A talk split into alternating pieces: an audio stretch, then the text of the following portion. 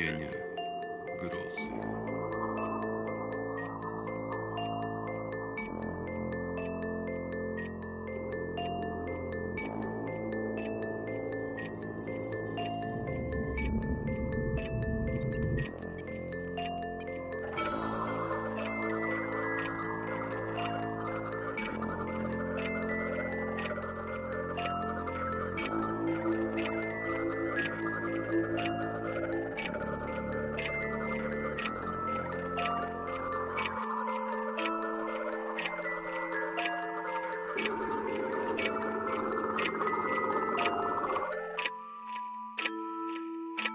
Louis Clyde Stumen Płowy pies Woda przeciekała, a byłem może 10 minut drogi od Hollywood, kiedy chłodnica zaczęła parować. Tam dalej, w Laurel Canyon, nie ma stacji benzynowych. Ponieważ nie mogłem sobie pozwolić na wóz lepszy niż Essex, nie chciałem dopuścić do tego, by mi pękł blok cylindrowy. Samochód jak najszybciej potrzebował wody. Pokonawszy wzniesienie, zjechałem na boczny pas i skręciłem w pierwszą prywatną drogę, jaką spostrzegłem.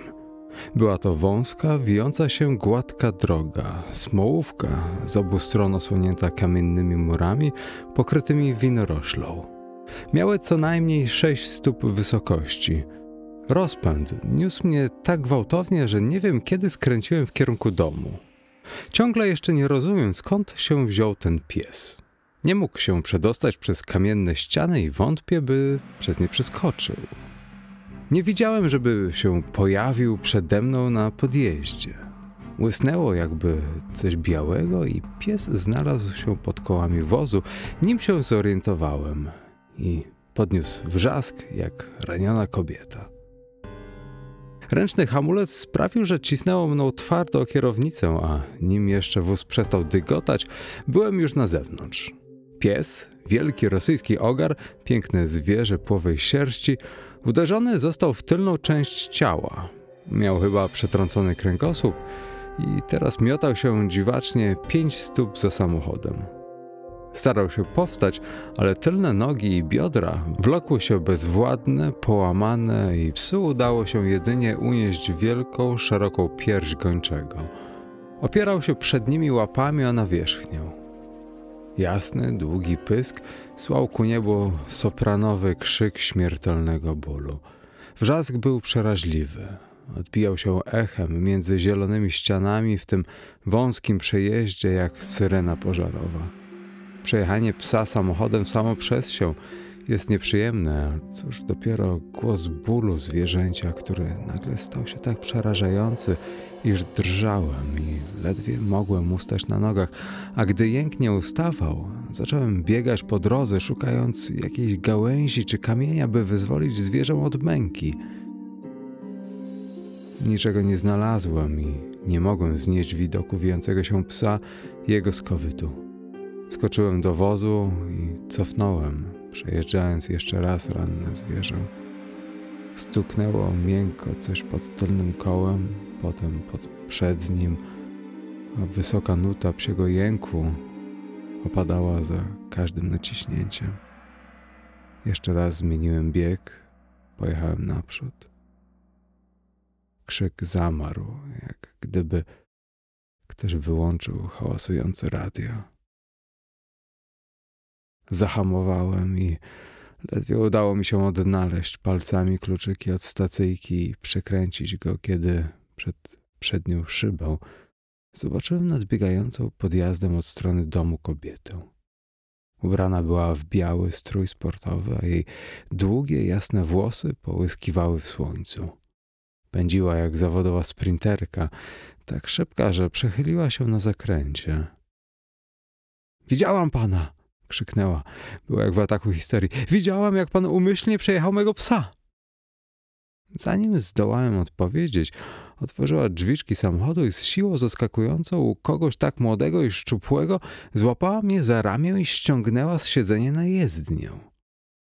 Uderzyła mnie na płask w twarz z jednej, potem z drugiej strony, a ja stałem osłabiony, wstrząśnięty i przejąłem to potulnie. Gdy zamierzyła się po raz trzeci, uniosłem ramię, by odparować uderzenie wierzchem własnej dłoni. Kobieta miała długie paznokcie i poczułem ich drapnięcie na skórze. Odwróciłem dłoni i zobaczyłem krew. Potem zaś kobieta płakała, opuściły ją siły, skuliła ramiona, zasłoniła twarz i łukała. Biedny książę Igor. Biedny, śliczny, taki był szczęśliwy pies. Uniosła znowu twarz ku mnie i cichym gardłowym głosem rzuciła raczej oskarżenie niż pytanie. Czemu pan to zrobił? Wyjaśniłem, że wóz wymagał wody. Powiedziałem, jak zdarzył się ten wypadek i czemu musiałem dobić psa, przejeżdżając go raz jeszcze. Patrzyła na mnie przez łzy, na wpół tylko dowierzająco. Następnie cofnęła się o dwa kroki i spojrzała na szczątki zwierzęcia. Ciało jej zatrzęsło się. Zobaczyłem, że się słania. Sięgnąłem ręką i chwyciłem ją w pół. Nie zemdlała, ale pozwoliła się podtrzymać. Poklepałem łagodnie jej ramię, ukryła twarz na mojej piersi, znów łukając niepohamowanie jak dziecko. Odwróciłem ją i poprowadziłem w stronę domu, ciągle klepiąc pocieszająco po ramieniu poprzez osłonę swobodnie spływających blond włosów. Dom był niski, jednopiętrowy, o nowoczesnej konstrukcji. Zobaczyłem jedną ścianę ze szkła, kilka jednolitych betonowych powierzchni oraz dach i drzwi wejściowe z drewna sekwojowego. Posadziłem kobietę wewnątrz, na obszernym ciężkim fotelu. Zapadła weń bezwładnie, ciągle lejąc łzy w dłonie. Przeszedłem przez dom, szukając kogoś, kto by się nią zajął. Dwie sypialnie, biblioteka, kuchnia, dwie łazienki, otwarte patio, służące jako jadalnia i dobudówka z garażem, gdzie stał nowy wóz kombi. Nie znalazłem nikogo. Na zewnątrz patio znajdował się niewielki basen kąpielowy, a za nim bungalow, być może pomieszczenie służbowe. Zawołałem: Jest tu ktoś! Odpowiedzi nie było. Kiedy powróciłem do salonu, kobieta już się opanowała. Stała młoda i ładna, tylko oczy miała nieco zaczerwienione od płaczu. Stała obok czarnej lakowej szafki. Miała na sobie białą spódniczkę tenisową i biały staniczek. Nalewała coś ze srebrnej karawki do dwóch szklaneczek z purpurowego szkła. I dopiero wtedy ją poznałem. Nieraz widywałem ją na ekranie. Długie, srebrzysto-blond włosy, spadające jak wodospad na ramiona, stanowiły jej filmową markę handlową. Od szeregu lat podziwiałem jej grę. Podała mi jedną z purpurowych szklaneczek, przyjąłem. Dziękuję, rzekłem. Właśnie panią rozpoznałem. Lucy Warner, prawda? Od lat jestem pani wielbicielem. Nie od zbyt wielu lat, mam nadzieję, wzruszyła ramionami. Tak kochałam księcia Igora. Miałam go od szczeniaka. Taki przyjazny pies. Rozumiem, jak to się stało, bo on zawsze wybiegał na podjazd powitać każdego wjeżdżającego. Podniosłem szklankę, potem wypiłem. Szkocka whisky. Kim pan jest? spytała aktorka. Wyłowiłem z portfela wizytówkę i przedstawiłem jej. Grant Wilkinson. Ładne zdjęcia. 732L Caribao Drive. Hollywood 38. Telefon 92722. Te ładne zdjęcia to chwyt wymyślony przez moją żonę. Uważa, że to bardzo dowcipne i że zdobywa mi klientów. Ja uważam to za fatalne. Fotograf? Spytała kobieta. Tak. Jakiego rodzaju zdjęcia pan robi? Wszystko, co się da. Niemowlęta, śluby, portrety, frontony sklepów. Właśnie jechałem, by odwieźć parę odbitek do studiów architektonicznych dla klienta w Canyon. Zdjęcia jego domu. Podałem jego nazwisko. Znała je. Gawędziliśmy około 10 minut i oboje wypiliśmy po raz drugi. Opowiedziałem, jak bardzo lubię ją na ekranie, a to się jej spodobało. A teraz co do tego psa, odezwałem się. Ile pani. Mniejsza z tym. Księcia Igora pieniądze nie zastąpią. No to może by mi pani pozwoliła go pochować? Dziękuję. Niech pan o to też się nie martwi.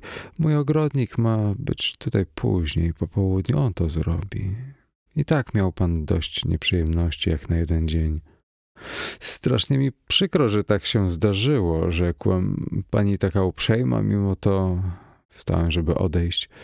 Więc wody do chłodnicy już panu nie potrzeba?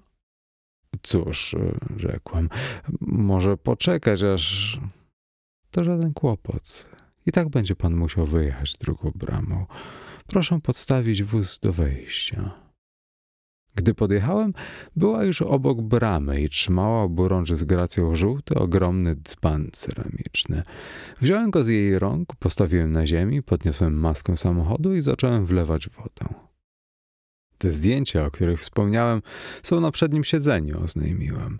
Jeśli ma pani ochotę obejrzeć, proszę otworzyć futera z aparatem. Są w kopercie na wierzchu. Wzięła kopertę, wyjęła z niej zdjęcia formatu gabinetowego, przerzuciła je. O, to mi się podoba, rzekła. Takie czyste, ostre ujęcie. Dziękuję za uznanie. Wie pan, chciałabym, żeby mi pan zrobił takie zdjęcie mojego domu. Chętnie, kiedykolwiek mnie pani wezwie. Słońce teraz dobre, powiedziała. Jeśli ma pan chęć pracować po tym, co się stało. Opuściłem maskę wozu. Doskonale, przytaknąłem.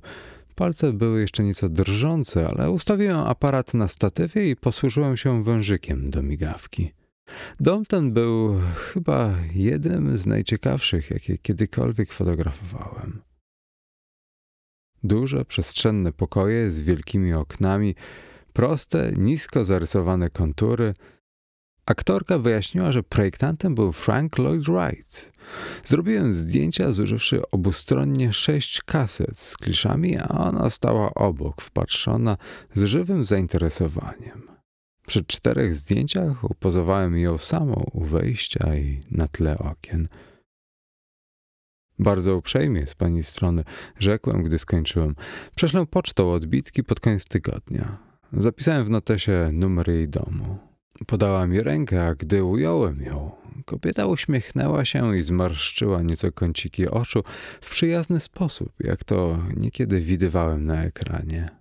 Lok jasnych włosów opadł jej na czoło. Wyjechałem drugą bramą i dostarczyłem moje studia architektoniczne klientowi. Około godziny drugiej nad ranem zadzwonił dzwonek u drzwi wejściowych. Nie spałem. Nie mogłem zasnąć tej nocy. Wstałem cicho, starając się nie budzić Marii. Zarzuciłem szlafrok na piżamę. W drzwiach stało dwóch policjantów. Pan Grant Wilkinson Zapytał jeden z nich. Tak. Proszę się ubierać. Jest pan aresztowany. Musicie szukać chyba kogoś innego, rzekłem. Nie popełniłem nic złego. Jaki zarzut? Powinien pan wiedzieć. Nie wiem. Niech pan nie usiłuje zyskać na czasie, Wilkinson, rzekł drugi policjant. Jest pan podejrzany o morderstwo. Wymienił nazwisko aktorki. O mało się nie przewróciłem. Słuchajcie, zdołałem wyjąkać. Byłem w jej domu wczoraj po południu, ale Oszczędź pan sobie, wtrącił pierwszy policjant. Będzie jeszcze czas na mówienie. Nie spuszczą mnie z oczu. Poszli prosto do sypialni i patrzyli, jak się ubieram. Przepraszam panią, powiedział do Marii jeden z nich, ale to nasz obowiązek.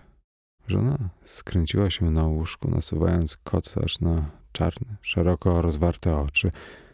Nic takiego, uspokoiłem ją. W tym mieście musi być jakiś drugi Grant Wilkinson. Lecz spokojnie, a jak tylko wszystko wyjaśnię, to zadzwonię do ciebie. Gdy zbieraliśmy się do odejścia, Maria wyskoczyła z łóżka z lekkim krzykiem i podbiegła, nie troszcząc się o zarzucenie szlafroka na nocny strój. Przywarła do mnie i musiałem wydrzeć się jej, by pójść za policjantami. Na posterunek przy Wilcox Avenue Zdjęli mi kajdanki, pobrali odciski palców i zaksięgowali jako mordercę. Nikt nawet ucha nie nadstawił, gdy obstawałem przy tym, że się mylą. Znowu kajdanki z powrotem do radiowozu. Dokąd jedziemy? Spytałem człowieka, do którego byłem przykuty. Dowie się pan. To wszystko jakaś pomyłka. Był pies. Będzie czas na gadanie, przerwał. Pan pewno jedyny, co się pomylił. Zajechali od tyłu do ratusza i wprowadzili mnie do środka. Wjechaliśmy windą. Za drzwiami oznaczonymi Wydział do Spraw Zabójstw, cicho mówiący detektyw w cywilu oświadczył mi, że najlepiej opowiedzieć wszystko i to od razu. Odrzekłem, że właśnie to chcę uczynić. Przedstawiłem całą historię równie dokładnie, jak ją opowiadam teraz. Porucznik w mundurze słuchał, a trzeci policjant notował wszystko na małej, cichej maszynie do pisania. Świetnie, rzekł człowiek w cywilu, gdy skończyłem. Jedna tylko rzecz nie zgadza się z tym opowiadaniem. Ten wielki płowy pies jest nadal obrazem zdrowia, a nie żyje. Ta pani. Ogrodnik znalazł ją na podjeździe. Przejechano dwukrotnie czy trzykrotnie, tak jak pan powiedział. No i kłopot. Pies obwąchiwał ciało i skomlał. Zdrętwiałem. Przez chwilę ledwie oddychałem. Potem słowa polały się potokiem. Nie mogę w to uwierzyć, mówiłem. Musi być para takich psów. Wiem, że przejechałem psa, ale przecież nie oskarża się człowieka o morderstwo z takiego powodu. Ktoś inny pewno jechał samochodem tą drogą i przypadkowo potrącił tę kobietę. Jak ja, uderzyłem psa, o właśnie. Wyszła na podjazd, to ślepa uliczka niebezpieczna. Kobieta oglądała psa i ktoś inny ją przejechał. Wiem. Czemu pan ją zabił? Nie zabiłem, ja... Czy pańska karta? Odwinął ostrożnie białą chusteczkę i wyjął wizytówkę. Tak, jak już powiedziałem, dałem ją jej, kiedy... To była piękna kobieta, prawda? Była żywa, gdy ja... Czym pan ją stuknął po głowie, zanim ją pan wyniósł na ten podjazd? Niczym, nie zrobiłem tego, ona... Niech pan lepiej mówi teraz, Wilkinson. Jest pan w paskudnej matni. Sprawozdanie koronera jeszcze nie nadeszło, ale w nim będzie wyjaśnienie. Nie, ja.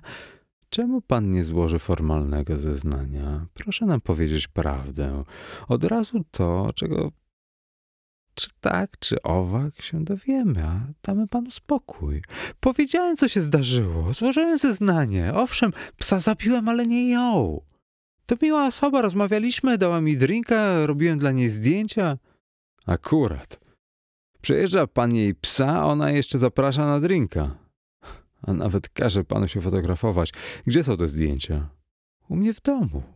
Wywołałem negatywy tuż po powrocie, a zanim poszedłem spać, zrobiłem odbitki. Teraz są na blachach. Co to znaczy na blachach?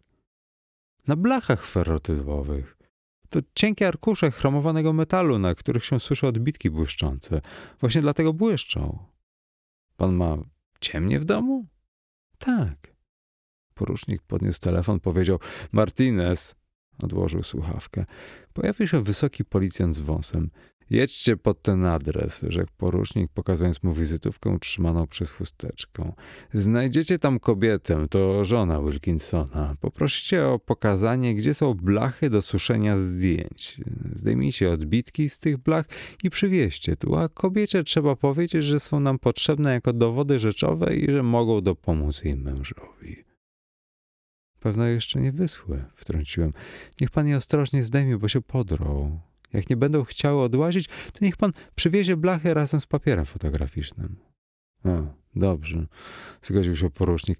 Policjant wyszedł, poczułem się lepiej. Ona sama jest na paru zdjęciach, rzekłem. Nie mogłem fotografować nieżywej. Sami zobaczycie. Pewne, że zobaczymy, rzekł cywila, ale czego to dowiedzie? Tylko tego, że pan tam był. Przecież mógł pan zrobić zdjęcia i dopiero potem ją zabić, co? Przeprowadzili mnie przez ulicę, znowu w kajdankach do rejestracji i potem wsadzili do celi więzienia naszego hrabstwa.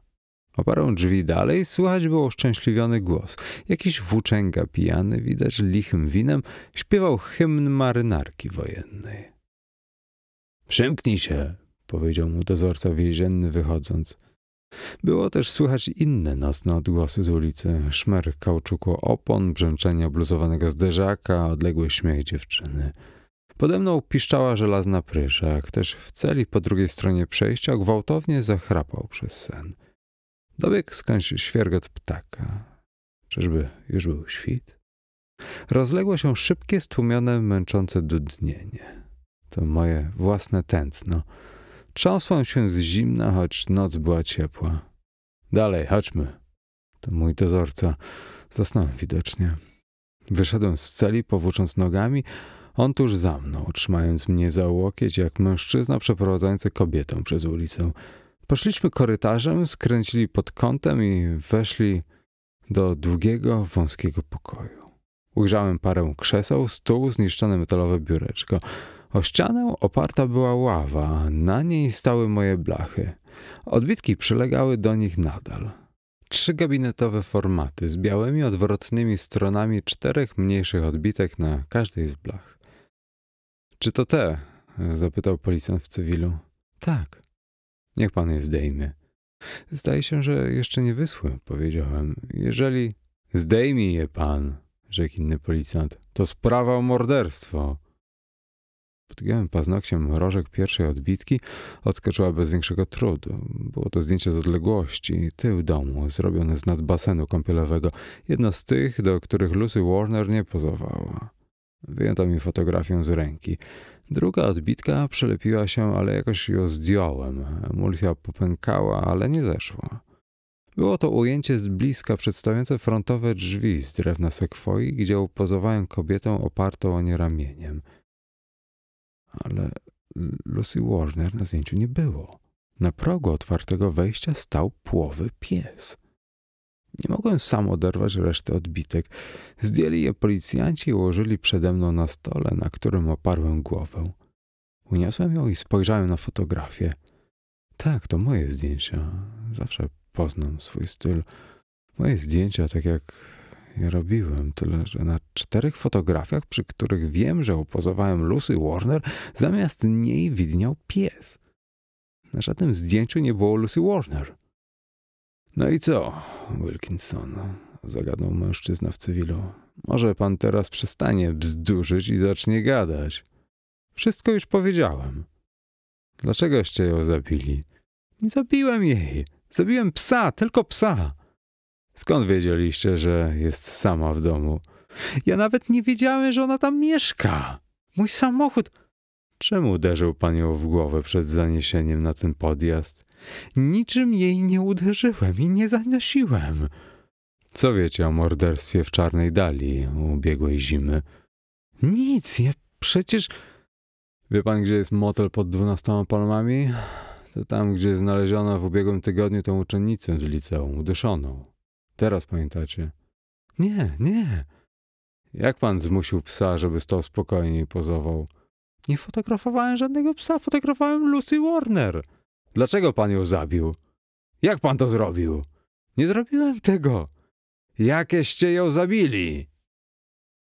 W imieniu stanu Kalifornia zażądano najwyższego wymiaru kary. W Los Angeles było ostatnio wiele niewykrytych morderstw i władze aż się paliły, by dać gazetom coś przekonującego, żeby się tym dla odmiany pobawiły.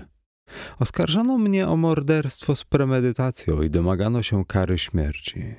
W Kalifornii to komora gazowa. Nie miałem pieniędzy, aby się bronić, ale sędzia wyznaczył mi z urzędu młodego, zapalczywego adwokata i wydaje mi się, że ten twardo walczył o mnie. Najważniejsze jednak, że mi wierzył. Nie chodzi o to, by kiedykolwiek dokładnie tak jak ja przyjmował to, co się według mnie zdarzyło owego popołudnia w Laurel Canyon, ale wiem, że nigdy nie uważał mnie za zbrodniarza. Pierwsza rada, jakiej mi udzielił, to żebym obstawał przy tym, że byłem przejściowo niepoczytalny. Prowadził do mojej celi psychiatrę, ażeby wszystko omówić. Postanowiliśmy w końcu, by na podstawie zeznań biegłego psychiatry wnosić o stwierdzenie, że jestem niewinny. Prokurator okręgowy był nieubłagany. Jako dowód rzeczowy przedstawiono gipsowe odlewy rzekomych odcisków samochodu pozostawionych na ciele kobiety. wraz z odpowiednimi odciskami z prawie wyłysiałych opon mojego Essexa. Przedstawiono też odciski palców z purpurowych szklaneczek i to z obu, także odciski zdjęte z mojej wizytówki, z dzbana do wody i z klamki drzwi kuchennych. Były to moje odciski, a nie tej kobiety. Były mąż Lucy Warner zeznawał w charakterze świadka, przystojny mężczyzna z czarną opaską na ramieniu. Przyczyną ich niedawnego rozwodu, oświadczył, było naleganie z jej strony, by od czasu do czasu mogła mieszkać sama. Powiedziała mu kiedyś, że dla niej soczewka kamery filmowej jest jak oko 50 milionów ludzi. Po spędzeniu dłuższego czasu w zasięgu kamery podczas nakręcania filmu utrzymywała potrzebny przynajmniej tydzień zupełnej samotności, by odzyskać poczucie, że się jest sobą. Ogrodnik zeznał szczegółowo, jak znalazł ciało kobiety. Opisał, jak pies je obwąchiwał, unosząc pysk ku niebu z żałobnym wyciem. Prokurator skonfrontował mnie z ogrodnikiem i spytał, czy go poznaję.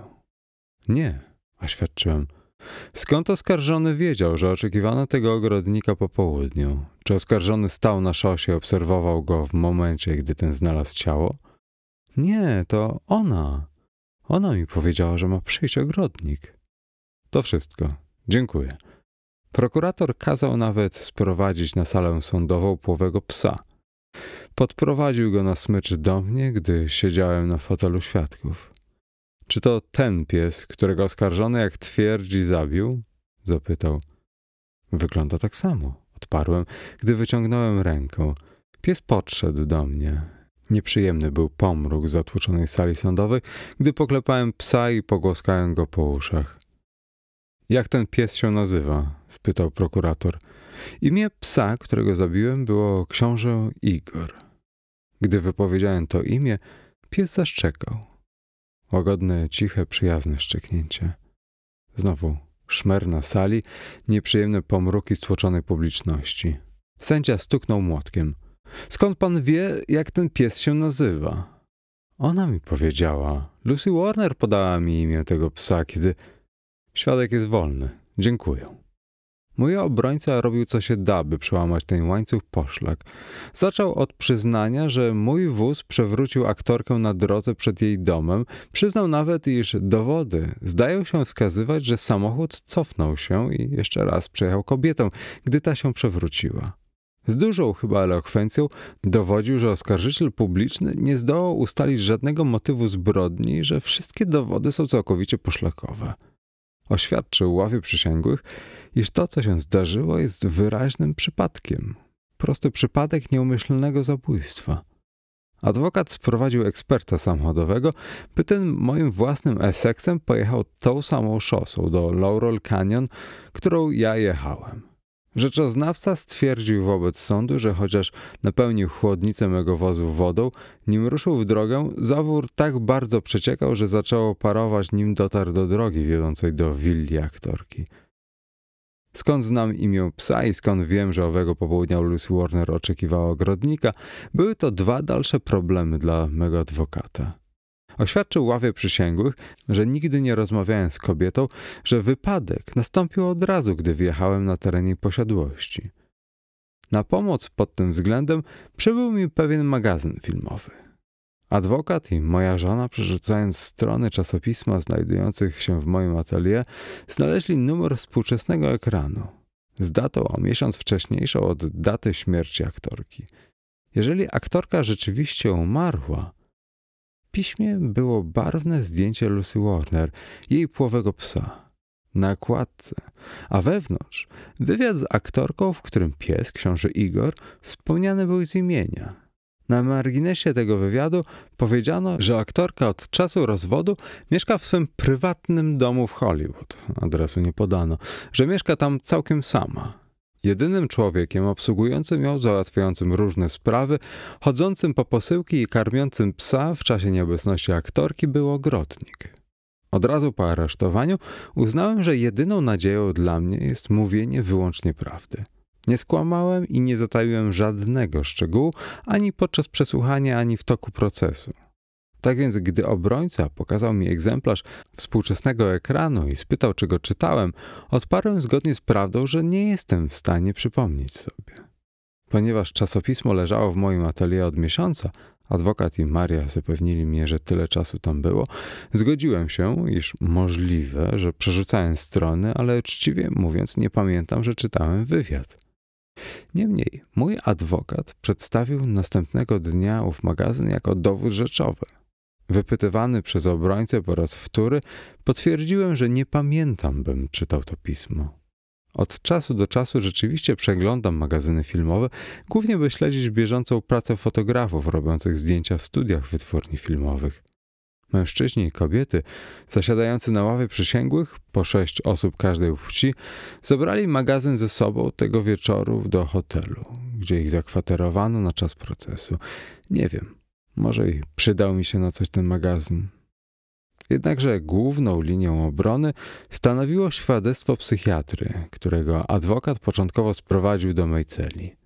Psychiatra spędził ogółem chyba ze 40 godzin na rozmowach ze mną przed procesem. Doktorze Nicholson, Abner S. Nicholson z Wydziału Medycyny Uniwersytetu w Berkeley, proszę o pańską opinię co do poczytalności oskarżonego, powiedział przed sądem mój obrońca. Według mego najlepszego rozeznania człowiek ten jest w pełni władz umysłowych i co najmniej normalnej inteligencji, oświadczył psychiatra. Stwierdziłem jedynie w jego psychice istnienie jednego ograniczonego obszaru cech zespołu psychopatologicznego. Z punktu widzenia medycznego jednak powiedziałbym, że jako całość umysł jego jest umysłem człowieka zdrowego. Z punktu widzenia prawnego jest to umysł zdolny odróżniać zło i dobro. Czy zechciałby pan wyjaśnić, panie doktorze, co właściwie rozumie pan przez ograniczony obszar zespołu psychopatologicznego? spytał adwokat. Jak jest to możliwe, by umysł był zdrów zarówno z punktu widzenia medycyny, jak i prawa, a jednak wykazywał odchylenia od normy? W przypadkach nerwic psychogennych uznanych z punktu widzenia medycznego i prawnego, odpowiedział doktor, umysł dotknięty jest pewnym określonym upośledzeniem, jakąś manią, urojeniem, niepokojem, obsesją. Odchylenie to występuje tak wyraźnie, że wywołuje zaburzenia osobowości pacjenta, tworząc syndrom, który określamy jako psychozę. Nie jest tak jednak z osobowością Granta Wilkinsona. Zespół psychopatologiczny, o jakim wspomniałem, jest w psychice pana Wilkinsona rzeczywiście ograniczony. Oddzielony jest od głównego strumienia świadomości. Nie znalazłem klinicznych dowodów na to, by odchylenie to wpływało ujemnie na jego umysł jako całość. Jest to, powtarzam, umysł zdrowy. Panie doktorze, poprosił mój adwokat, czy mógłby pan nieco bliżej wyjaśnić różnicę między istotną anomalią psychiczną a ograniczonym odchyleniem, o którym pan mówi? Spróbuję. Zasadnicza różnica dotyczy przyczyny, genezy. Prawdziwe manie i demencje tkwią głęboko w osobistym życiu chorego. W wielu przypadkach wywodzą się z trudnego dzieciństwa, z nieszczęśliwego układu stosunków rodzinnych i podstawowych zaburzeń seksualnych. Są jednak inne zespoły zachowania się patologicznego, które nie tkwią tak głęboko w złym dostosowaniu z okresu dzieciństwa. Całkiem normalne i zdrowe umysły mogą wykazywać nagle objawy psychotyczne w wyniku np. silnego urazu fizycznego lub wzruszenia. Najbardziej znanym psychopatologicznym przejawem tego rodzaju jest amnezja, czyli utrata pamięci. Amnezja może być traumatyczna, wywołana uderzeniem w głowę, nagłym szokiem emocjonalnym, a nawet wysoką ciepłotą w przypadku malarii. Nie, nie podsuwam myśli, że pan Wilkinson cierpi na amnezję zwykłą wywołaną uszkodzeniem mózgu. Stwierdzam wszelako, że to ograniczone odchylenie od normy, jakie dostrzegłem w psychice pana Wilkinsona, sprzyjać może amnezji w razie nagłego spiętrzenia się doznań emocjonalnych. Mój obrońca poprosił znowu. Może byłoby panu, doktorze, łatwiej wyjaśnić, gdyby przedstawił nam pan własną teorię tego, co zdarzyło się oskarżonemu w Laurel Canyon z punktu widzenia symptomów fizycznych i psychicznych? Spróbuję, obiecał psychiatra. Oczywiste jest dla nas wszystkich, iż zginęła kobieta. Dowody wskazują, a obrona przyznaje, że zginęła ona pod kołami samochodu oskarżonego. Sam oskarżony jednak utrzymuje, że tak nie było. Powiada, że przejechał psa. Jestem przekonany, że to, co pan Wilkinson mówi, dla niego jest prawdą. Pan Wilkinson we własnym umyśle przeświadczony jest, że jego wóz potrącił psa, a nie kobietę. Jest więc to utrwalone urojenie, idee fix, w ograniczonym obszarze o charakterze psychopatologicznym, o którym mówiłem. Zastanówmy się teraz, co mogło się zdarzyć owego fatalnego dnia. Załóżmy, że oskarżony rzeczywiście skręcił na podjazd, bo chłodnica gwałtownie potrzebowała wody. Załóżmy dalej, że nieżyjąca teraz kobieta szła w owym momencie podjazdem, plecami odwrócona do nadjeżdżającego samochodu. Mogła nie słyszeć, bo wóz miał już zgaszony silnik. Wilkinson mógł jej nie zauważyć, bo może w danej chwili wpatrywał się w termometr dla pomiaru temperatury wody w chłodnicy. Wysoki sądzie, prokurator zerwał się na równe nogi. Wysoki sądzie, zgłaszam protest przeciwko tej metodzie przesłuchiwania byłego przez obrońcę. Domniemania i wyciąganie wniosków z dowodów to obowiązek przysięgłych. Czynienie tego przez biegłego jest najoczywiściej niedopuszczalne. Ten biegły kompetentny jest tylko do wypowiadania się na temat zdrowia oskarżonego z punktu widzenia lekarskiego. Adwokat dał dobrą replikę. Wysoki sądzie, od tego, czy ustalimy prawdę o tym, co się zdarzyło owego dnia w Laurel Canyon, zależy życie człowieka. Nie chodzi tylko o prawdę dotyczącą wydarzeń na płaszczyźnie fizycznej, lecz o wykrycie tego, co działo się w umyśle oskarżonego. Kwalifikacje pana doktora Nicholsona jako biegłego sądowego w zakresie medycyny nie ulegają wątpliwości, a on uważa, podobnie jak ja, że nie może przedstawić definitywnego orzeczenia lekarskiego bez omówienia dowodów. Sędzia milczał przez okres dziesięciu uderzeń mojego wewnętrznego stopera. Potem zaś przemówił – Sąd powstrzyma się od wydawania opinii. Biegły może zeznawać nadal. Jeżeli okaże się, że świadectwo jego jest nieistotne dla sprawy, sąd zaleci przysięgłym, by je pominęli i nakaże skreślić je z protokołu. Doktor Nicholson kontynuował. Podsunąłem myśl co do tego, w jaki sposób mógł nastąpić wypadek. Nie twierdzę, że właśnie tak się stało, albo nawet, że to istotnie był wypadek. Jednakże w oparciu o kliniczne wyniki mojego badania oskarżonego doszedłem do osobistego wniosku, że to właśnie miało miejsce. Wypadek miał przebieg taki, jak opisuje go Wilkinson. Z tym oczywiście wyjątkiem, że zginęła kobieta, a nie pies. Zajrzyjmy teraz do umysłu Wilkinsona. Gdy zbyt już późno zahamował wóz, wyskoczył, zobaczył, co uczynił i musiał być przerażony. Przerażony tak samo, jak wysoki sąd albo ja bylibyśmy przerażeni w podobnej sytuacji. Orzeczenie złożone przez koronera stwierdza, że już pierwsze uderzenie samochodu złamało podstawę kręgosłupa kobiety. Tego rodzaju uraz mógł już wywołać paraliż nóg i bezwład dolnej części ciała. Nie musiał natomiast koniecznie pociągnąć ze sobą utraty przytomności. To zaś z pewnością oznaczałoby doznawanie niezmiernego bólu. Tak więc obecni tu przyznają, że kobieta mogła krzyczeć wskutek straszliwego bólu i próbowała podnieść górną część ciała, opierając się na rękach. A przecież właśnie takie zachowanie przypisuje pan Wilkinson temu psu, o którym twierdzi, że był ofiarą. Doktor Nicholson ciągnął. Mamy więc kobietę leżącą na drodze i próbującą w bólu podnieść się. Widok ten musiał przerazić Wilkinsona i przepełnić go nieznośnym uczuciem winy. Trwające krzyki kobiety stały się dodatkowymi bodźcami słuchowymi dla garniętego paniką umysłu Wilkinsona. Możliwe też, że właśnie w owej chwili Wilkinson rozpoznał w ofierze słynną aktorkę, a to wywołało dalszy wstrząs. Gdy krzyki kobiety rozległy się nadal echem w wąskim przejeździe, umysł Wilkinsona doszedł do granicy tolerancji wstrząsu. Sądząc prawdopodobnie, że kobieta czy tak, czy owak umiera, z desperacją sięgnął po jedyny dostępny środek uciszenia jej i położenia kresu męczarni do samochodu. Cofnął wóz po jej ciele i potem jeszcze raz pojechał naprzód, tak jak przyznaje, że ponownie przejechał psa. Otóż następnie zdał sobie w pełni sprawę z tego, co uczynił. Istnieje pewien próg wytrzymałości traumatycznej, powyżej którego umysł traci równowagę. Wilkinson doszedł właśnie do tego progu i był na krawędzi tegoż historycznego stanu szaleństwa, który ogarnia żołnierzy gnanych strachem na polu bitwy. W tym momencie pies, książę Igor, mógł właśnie biec drogą od domu, reagując na krzyki swojej pani.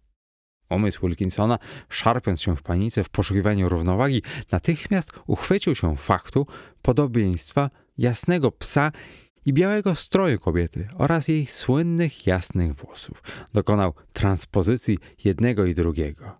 Broniący się umysł nie dopuszczał do świadomości, że zabicie kobiety rzeczywiście nastąpiło, a więc natychmiast przyjął jako prawdę to, że młoda kobieta przeżyła, a pies nie żyje. Następnie zaś, mówił psychiatra, ciągle jeszcze zdrów na umyśle, lecz mając to jedno utrwalone urojenie, Wilkinson ułagodził zaniepokojonego psa, zaprzyjaźnił się z nim i rzeczywiście wierzył, że pies jest kobietą. Zabrał tego psa do domu i znalazł tam barek i odegrał przyjazną scenę towarzyskiego picia ze zmarłą. Jednakże pod progiem świadomości Wilkinsona tkwił dręczący go wyrzut i lęk powodu tego, co uczynił. Dla stłumienia tego lęku w głębi podświadomości czuł może potrzebę dokonania jakiegoś znanego, zwyczajnego aktu, wykonania normalnych ruchów tak, aby nierealne wspomnienie wydarzeń poprzedzających mogło również wydawać się normalne i prawdziwe. Niewątpliwie wtedy Wilkinson wyjął aparat fotograficzny i zrobił tych 12 zdjęć stanowiących dowód rzeczowy. Operowanie kamerą było zwykłym wzorcem nawykowej czynności. Fotografował niemal automatycznie. Zwykła praca uspokoiła go, sprawiała, iż uważał, że wszystko jest w porządku, a kiedy pracę skończył, to cóż bardziej naturalnego niż położyć swą wizytówkę firmową na stole. To też zawodowy nawyk. Następnie Wilkinson pojechał, by zakończyć to, co pierwotnie sprowadziło go do Laurel Canyon, a więc dostarczył zdjęcia klientowi. Wyjechał drugą bramą, będąc ofiarą urojenia fantazji, iż zabił jedynie psa. Sędzia rozstrzygnął. Uznał, że świadectwo psychiatry jest dopuszczalne, ale zastrzegł, by przysięgli wytworzyli sobie własny osąd co do jego wartości i starannie rozważyli, w jakim stopniu jest to świadectwo biegłego, a w jakim prywatna opinia lekarza. Następnego dnia prokurator ściągnął do sądu dwóch dalszych psychiatrów, którzy również rozmawiali poprzednio ze mną w celi, ale znacznie krócej niż dr Nicholson. Zgodzili się co do tego, że jestem zdrów na umyśle, ale nie stwierdzili dowodów nabytego urojenia. Prokurator oświadczył przysięgłym, że wobec tego wymyśliłem urojenie dla symulowania choroby umysłowej i ocalenia skóry.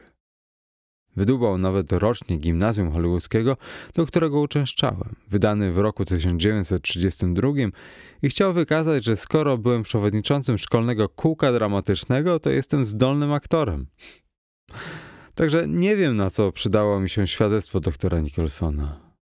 Podsumowując wszystko wobec przysięgłych, prokurator wykorzystał przeciwko mnie jakość mojej własnej pracy zawodowej, wymachując dwunastu zdjęcioma domu aktorki przed nosami dwunastu członków ławy przysięgłych.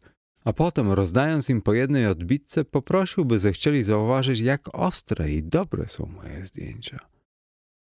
Trzeba było pewnej ręki, by zrobić takie fotografie, oświadczył. Kto z wyjątkiem człowieka w pełni poczytalności i zdolności mógłby zrobić zdjęcia tak wysokiej klasy bezpośrednio po dokonaniu okrutnego morderstwa z premedytacją, albowiem to było morderstwo. Okrutna, z zimną krwią popełniona zbrodnia, wynikająca z namiętności. Oskarżenie publiczne dowiodło w tym przypadku, że zbrodnia wynikająca z afektu może być dokonana z zimną krwią. Oskarżenie uważa, że czcigodne panie i panowie przysięgli mogą jedynie wydawać werdykt winy morderstwa z premedytacją. Jak wiadomo, ustawy kalifornijskie dają nam opcję zalecenia dożywotnego więzienia albo kary śmierci. Zbrodnia ta była tak niezwykle okrutna i premedytowana, że w imieniu stanu Kalifornia nie waham się spodziewać po was, iż w dobrej wierze zalecicie karę śmierci. Cóż, czytujecie gazety. Wiecie, że ława przysięgłych ciągle jeszcze nie zebrała się po czterech dniach. Co myślicie o tej sprawie? Przyznać muszę, że dla mnie nadal nie jest bardziej jasna niż wtedy, gdy policja wyciągnęła mnie rano z łóżka. kobieta rzeczywiście nie żyje. Widziałem zdjęcia jej ciała w gazetach. Bliższy, bardziej przerażający widok. Samo ciało stanowił dowód dla sądu. To było jej ciało. Nie żyje. A połowy pies żyje. Widziałem go w sądzie.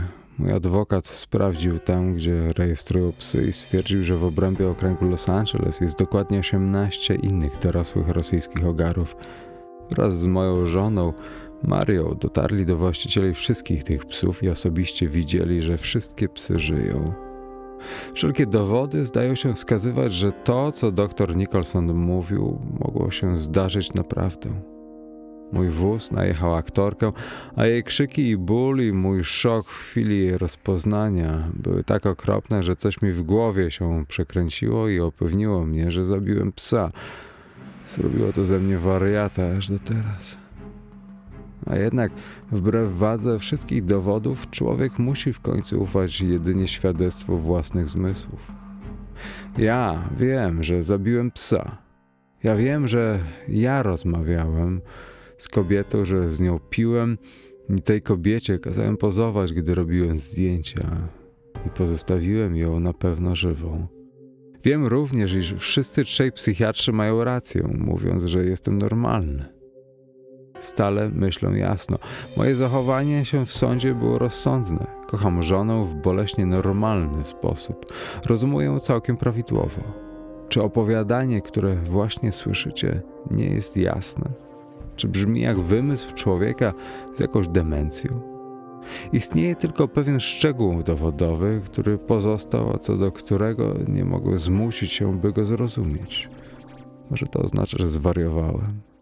Może mam jakieś utrwalone urojenie. Pamiętacie, jak powiedziałem wam o tym, że kobieta uderzyła mnie w twarz, gdy zabiłem psa? Uderzyła dwa razy, a za trzecim zamachem podniosłem ramię, by osłonić twarz i drapnęły mi wtedy rękę jej długie paznokcie. Cóż, te zadrapania już się teraz zagoiły, ale na wierzchu dłoni ciągle jeszcze widać blizny. O, spójrzcie na nie. Popatrzcie, jak długie, głębokie i równoległe były te drapnięcia.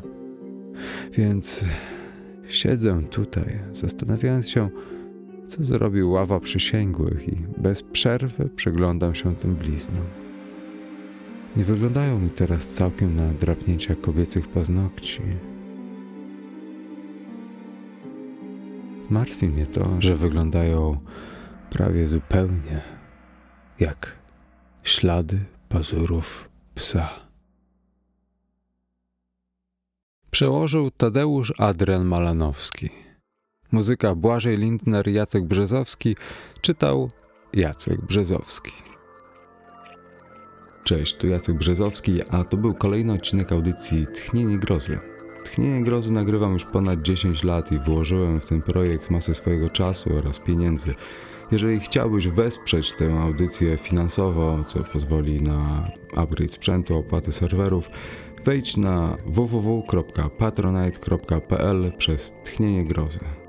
Audycja była i zawsze będzie za darmo, ale każde wsparcie jest naprawdę miło widziane. Cześć, tu Jacek. Jeśli spodobało Ci się Tchnienie Grozy i lubisz historię oraz gry fabularne, a może chcesz się nimi zainteresować, to zapraszam Ciebie na swój drugi podcast 6, 10, 12. Pisane osobno cyframi jako 6, odstęp 10, odstęp 12 do znalezienia na YouTube oraz Spotify, a także innych platformach. Zapraszam serdecznie do słuchania.